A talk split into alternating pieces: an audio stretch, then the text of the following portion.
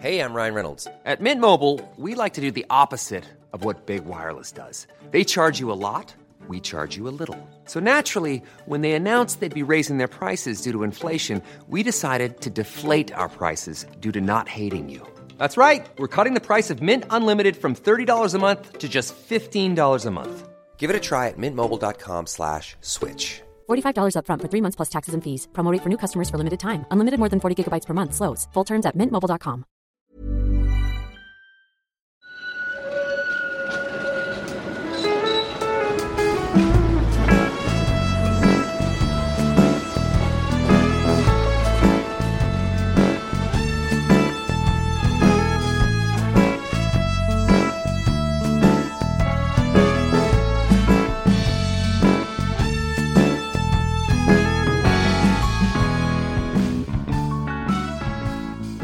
Välkomna till podden Gator och torg i Göteborg som görs av din lokaltidning Göteborg Direkt.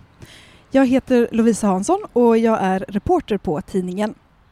Med mig vid min sida så har jag eh, Mattias Axelsson. Du är ju vår Göteborgskännare, historielärare och även krönikör på tidningen. Hej! Hej Lovisa! Hur mår du? Ja, vi sitter ju här i försommar, eller nästan högsommarvärme Mm. är det väl. Druckit upp med lite kaffe och kakor och tittar ut över Göta älv och ett stort antal båtar. Mm. För idag så befinner vi oss vid Drömmarnas kaj, eller Gullbergs kaj. Precis, och det, jag måste säga det är, än så länge är det nog min trevligaste podcast-inspelningsplats. Mm. Väldigt, väldigt eh, härligt och rofyllt. Det är lite trafik i bakgrunden bakom oss, men vår sy- vy är ju bara eh, blått vatten, fina båtar och ett stillsamt ro. Mm. Men vi ska ju som sagt prata om en plats eh, som har många, många, många namn eh, och det är ju så man säger om ett kärt barn. Vi har ju både Gullbergs vass, Gullbergs kaj och Drömmarnas kaj. Det finns säkert fler som inte jag känner till.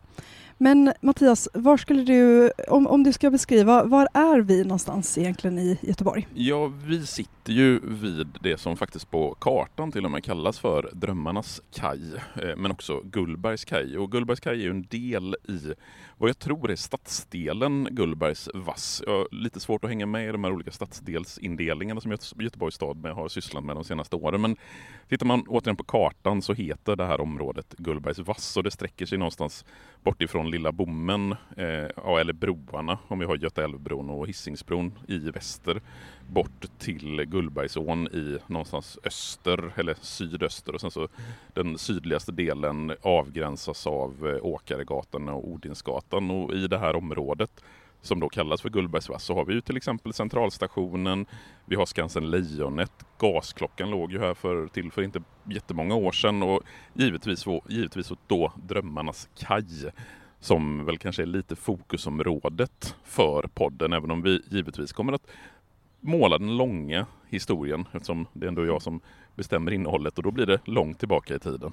Okej, vi måste pausa lite och prata om namnet. Varför heter det just Gullbergs vass? Ja, alltså Gullbergs vass, det var ju ett vassområde här eh, till eh, mitten på 1800-talet. Och att den heter just Gullbergs vass, det beror ju på att den branta klippan Gullberg vid Göta älvs södra strand, det är den, alltså Gullberg, som har fått ge namn till Gullbergs vass. Och varför klippan? Och det är ju där Skansen Lejonet ligger.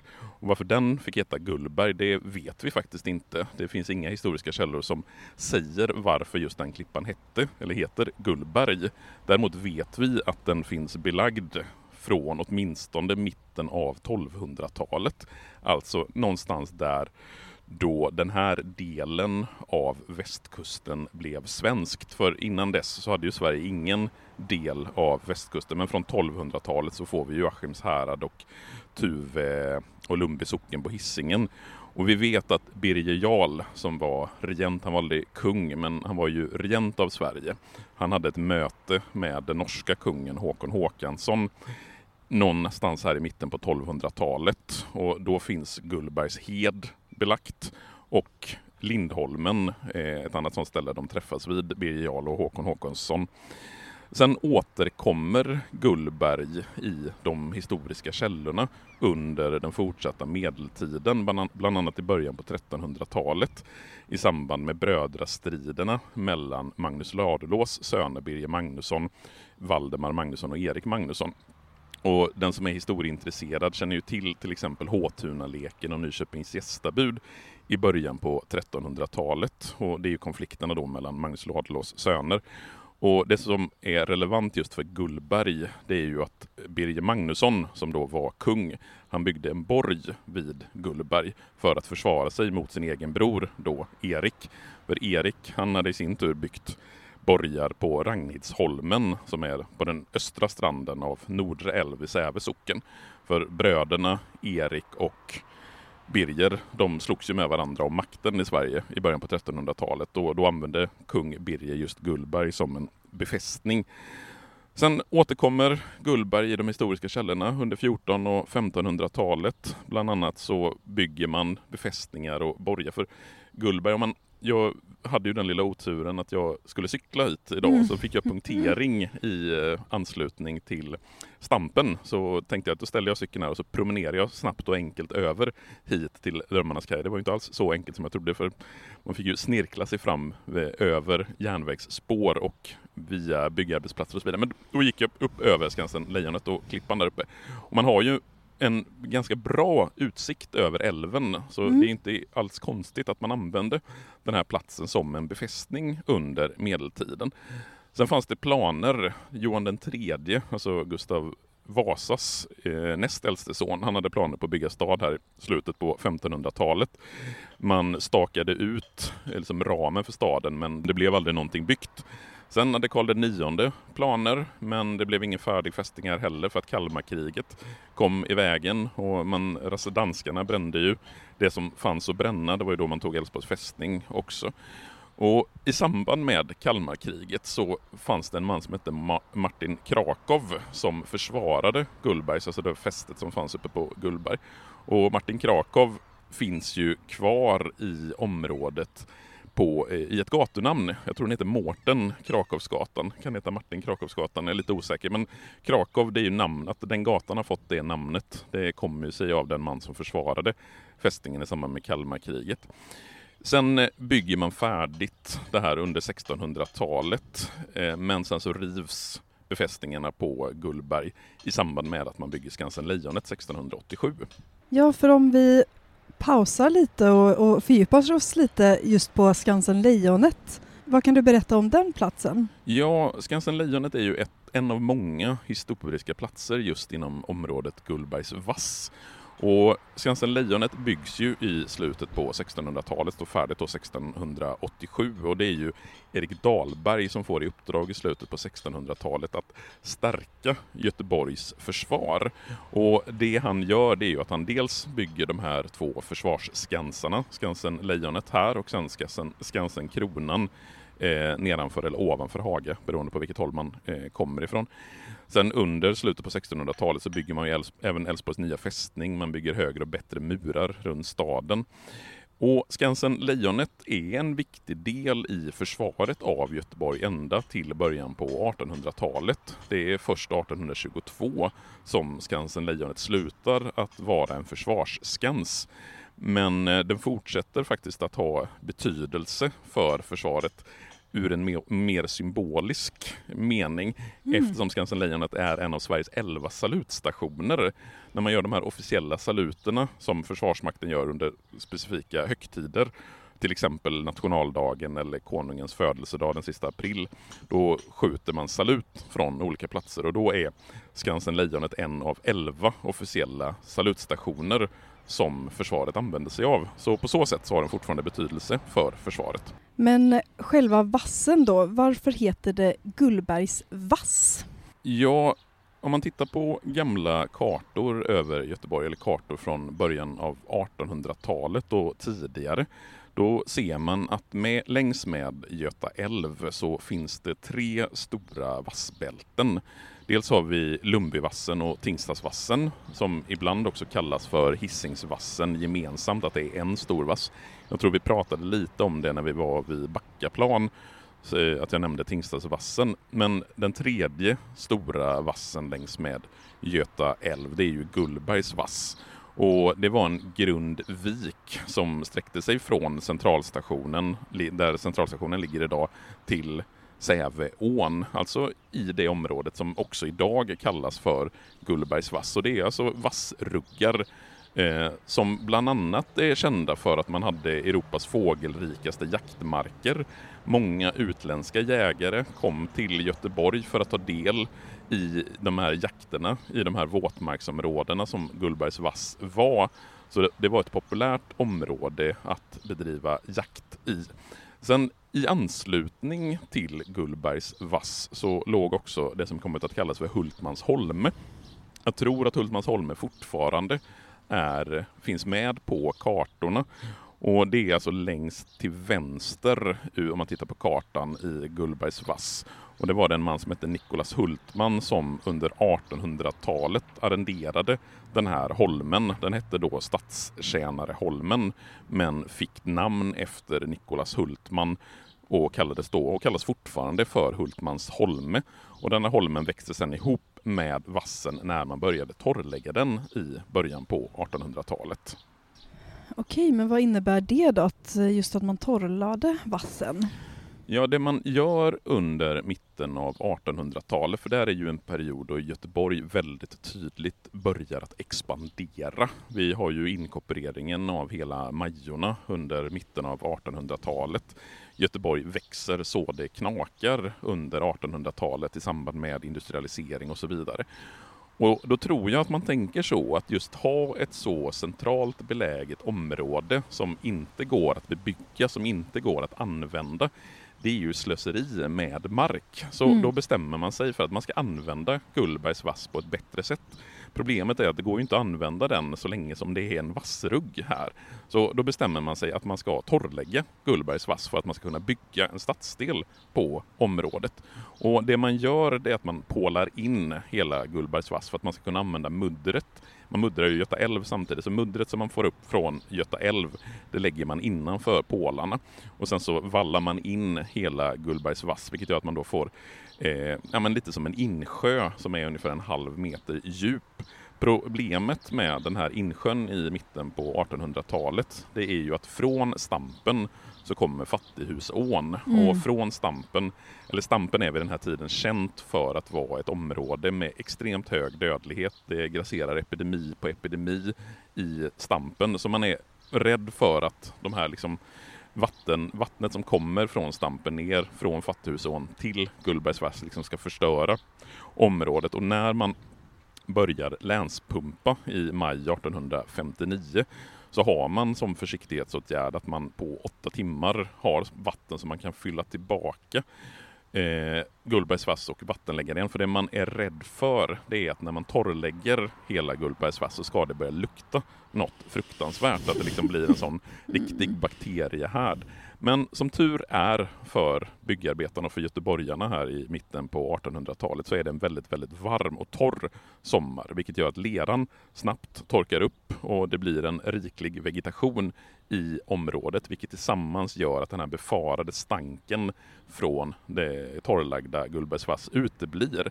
Så nu kan man här under 1860-talets början börja planera för hur man ska utforma stadsdelen Gullbergs vass. Och då finns det två huvudförslag när det gäller hur man ska utforma staden, eller den här stadsdelen. En plan med kanaler och en utan kanaler. Och den med kanal, då var det en kanal som skulle gå från Lilla Bommen till Gullbergsån med sju broar över.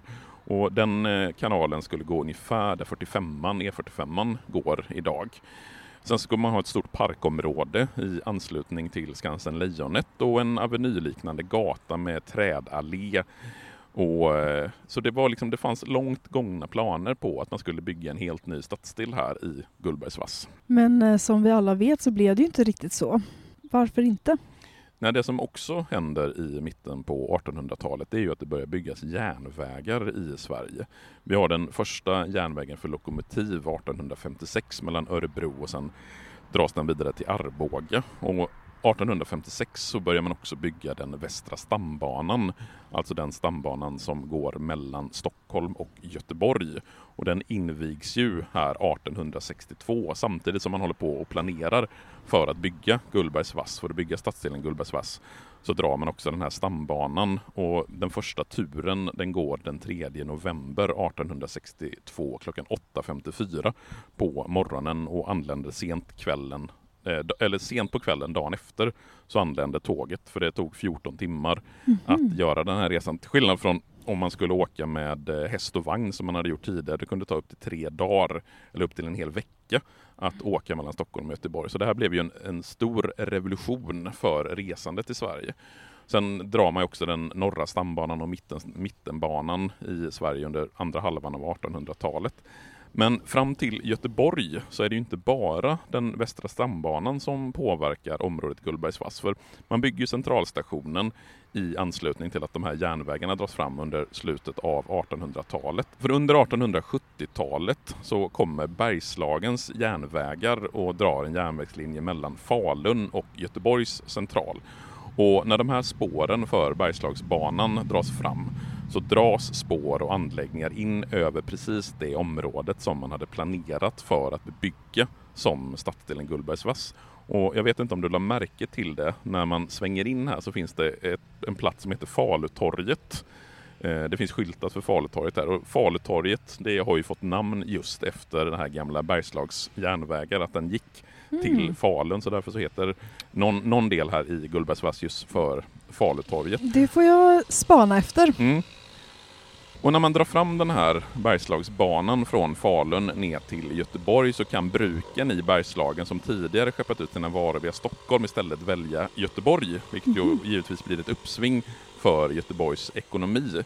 Och vi har fortfarande, även om Bergslagsbanan är borta sedan ett tag, så eh, finns ju fortfarande stationshuset för Bergslagsbanan som byggs 1881. Om man eh, går, vad blir det, norr om centralstationen så finns det en stor vit byggnad som har kallats för Vita huset i folkmun. Nu är den tyvärr omgärdad av lyftkranar och bilar och vägar och liknande så det är lite svårt att komma till Vita huset men det är, det är en av de byggnader som finns kvar sen eh, Bergslagsbanan och det stationshuset. Sen har vi även Bohusbanan som dras fram i början på 1900-talet. Så det här området som skulle bli den här stadsdelen med kanaler och alléer, det blir ju istället ett stationsområde den, där man drar fram järnvägsspår. Och sen under efterkrigstiden så tillkom också den här motorleden, 45an, som leder till att man river de sista bostadskvarteren som fanns i anslutning till Gullbergskaj och Mårten Krakovsgatan och de ersätts istället med kontorsbyggnader. Och tittar man på ett diagram över befolkningen i stadsdelen Gullbergs Vass så ser man att den sjunker ju hela från 3000 i början på 1900-talet ner till i princip noll i början på 1970-talet.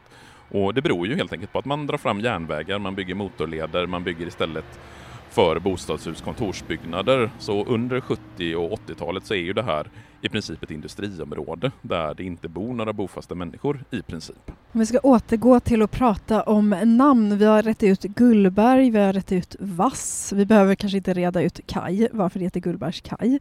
Men just Drömmarnas kaj tror jag ändå att eh, många förknippar den här platsen med. Men var kommer uttrycket Drömmarnas kaj ifrån? Ja, det tidigaste belägget som jag har hittat i tidningsarkiven för att någon kallar den här platsen för Drömmarnas kaj, det är ju Göteborgstidningen 1969. För då skriver man om trötta vrak i väntan på slutet vid de brustna drömmarnas kaj när man ska skriva om de här båtarna som ligger längs med Gullbergs kaj. Det är så poetiskt. Ja, visst är det. Även journalister kan få till det ibland. Eh, mm. Och just drömmarnas kaj, det kan ju vara lite dubbeltydigt. För å ena sidan så skulle det kunna syfta just på de här brustna drömmarna. Att man har drömmar om olika saker med de här fartygen. Men också om personerna som befolkar drömmarnas kaj. Att det är alltså personer som är drömmarna. Drömmarnas, alltså det är deras kaj. Så det kan antingen vara de här, liksom det här mer symboliska, att man drömmer om någonting. Men också den personen som har drömmarna, att det är deras kaj. För det här området har ju då varit en kaj sedan åtminstone slutet på 1800-talet. Det är då jag har funnit belägg för de tidigaste kaj, eller den första kajen vid Gullbergs vass i den nordöstra delen, alltså där Gullbergs kaj, eller Drömmarnas kaj ligger idag. Och då var det promtrafik och virkestransporter och ångbåtar som la till vid Gullbergs kaj, eller vad det nu hette i slutet på 1800-talet. Sen vid sekelskiftet 1900 så bygger man ut kajen och då används den främst av gasverket. Och den industrirelaterade sjöfarten flyttas från Lilla Bommen hit till Gullbergs kaj och Lilla Bommen blir istället en plats just för ångare och segelskutor och det här blir mer av en industrikaj. Sen under det fortsatta 1900-talet så flyttade in fler och fler industrier i området, bland annat Tobaksmonopolet, Vin och Spritcentralen. Sen sker en parallell process där mer av den tunga industri, alltså hamn och industriverksamheten flyttar härifrån ut till hissingen alltså på andra sidan älven. Och det här området, alltså Drömmarnas kaj eller Gullbergs kaj, det blir istället snarare en plats dit båtar kommer för sin, vad ska man säga, sista vila innan de transporteras någonstans och man helt enkelt gör sig av med dem. Och det är ju därför som de båtarna som har legat längs med Drömmarnas kaj från slutet av 1960-talet och framåt är de här båtarna som man kanske behöver fila och putsa lite på. Mm. Man tolkade ju, eller jag tolkade det på eh, liksom lite bitterljust på något sätt. Då lite så här drömmarna om Göteborg som, som hamn och skeppsstad. Ja, och platsen har ju också i folkmun kallats för de döda skeppens kaj. Alltså att det är skepp som nästan ligger här lite grann och, och, dör. Men jag tänker att de som äger båtarna här och nu, alltså de båtarna som vi sitter och tittar på här 2021, de är nog ganska stolta över sina båtar och tycker om sina båtar. Men det är ju ändå en plats, en kaj dit båtar kommer som kanske inte är i bästa skick som behöver jobbas ganska mycket med. Och under andra halvan av 1900-talet så har ju Drömmarnas kaj varit en plats, lite grann av en fristad, en frizon mm. för de som kanske inte har och har möjlighet att ha båtplatser på andra ställen. För fram till 1970 så var hyrorna för att ha en båtplats här vid kajen i princip obefintliga. Sen beslutade Göteborgs hamn att höja de här hyrorna med flera hundra procent och det är då den ideella fartygsföreningen Gullbergs kaj bildas för att hålla priserna nere för att man ska kunna ha det här lite grann som en fristad, att man har möjlighet att ha platsen, att man ska ha, kunna ha sina båtar, att man ska kunna fixa och dona med båtarna här vid Gullbergs kaj. Och idag så består föreningen av ett 60-tal fartygsägare som alla har sina mer eller mindre i ordningställda fartyg längs med kajen. Ja, men så som vi upplever det just nu, väldigt lugnt och fridfullt. Ehm, det är väl inte den hela hundraprocentiga bilden. Det finns väl lite rykten så som har gått om den här platsen. Ja, den har ju också lite liksom skumrask-rykte om sig. Jag vet att den ibland har kallats för, att Gullbergs kaj har kallats för Nordens Chicago. Ska jag väl i ärlighetens namn säga att det är många platser i Sverige som har kallats för Nordens eller Sveriges Chicago, så det är absolut inget unikt för Gullbergs kaj. Men eh, att det förekommer svartklubbar och liknande i samband med anslutning till Drömmarnas kaj, det väl, har väl inte varit en hemlighet. Och att det är en plats som drar till sig kanske människor som inte riktigt passar in i den här moderna urbana miljön som man vill bygga i Göteborg. Utan det är lite mer av människor som kanske skulle kunna klassificeras som original eller som är lite mer udda som passar in här vid Drömmarnas kaj. Att man här får en fristad. Det finns en, det finns en frizon för människor som vill hålla på och pyssla med sina båtar. Men om vi går tillbaks lite grann, för du nämnde ju tidigare att det fanns liksom som två spår eh, för Gullbergs kaj. Alltså, nu blev det stambana och tågtrafik och mer kontorsbyggnader sen på sikt.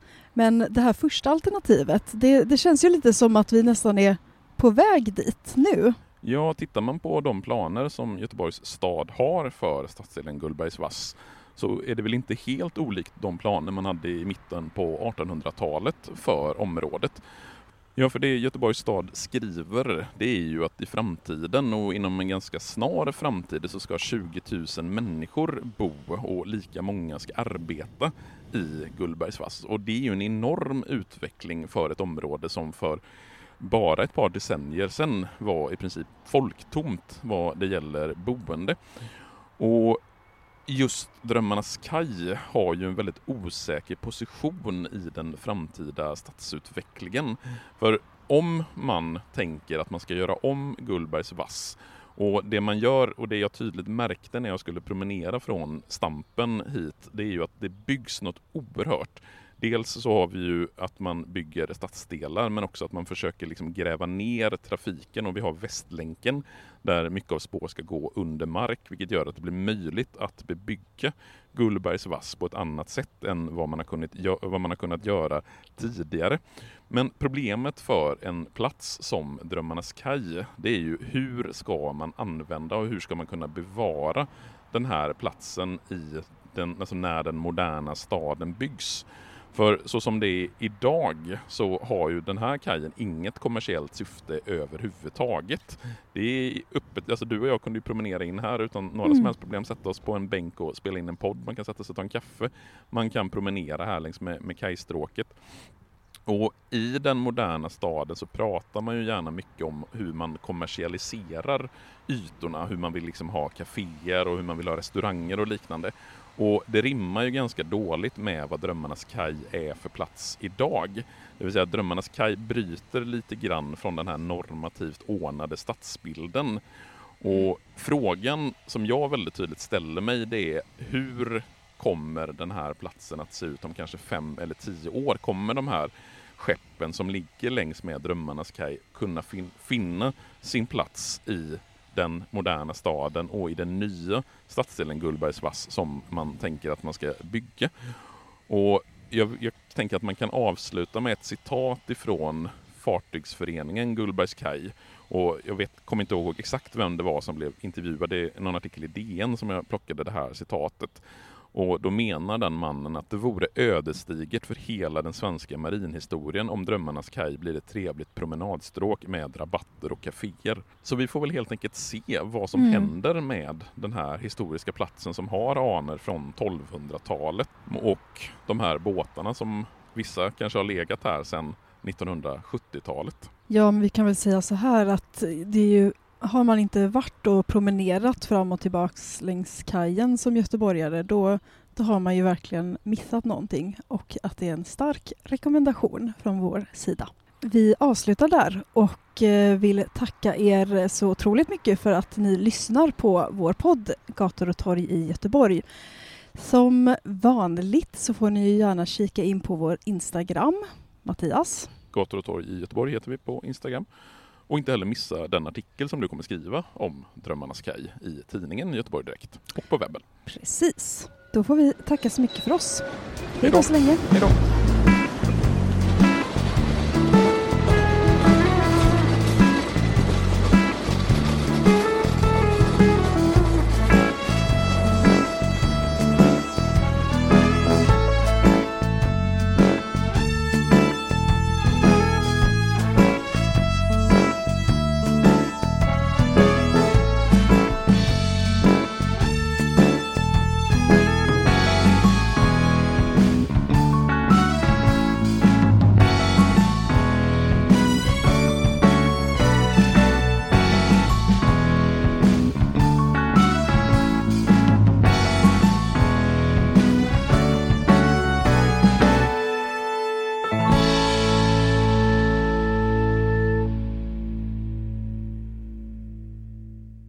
Gator och torg i Göteborg produceras av Reostat Media AB. Want flexibility? Take yoga. Want flexibility with your health insurance? Check out United Healthcare Insurance Plans. Underwritten by Golden Rule Insurance Company, they offer flexible, budget friendly medical, dental, and vision coverage that may be right for you. More at uh1.com.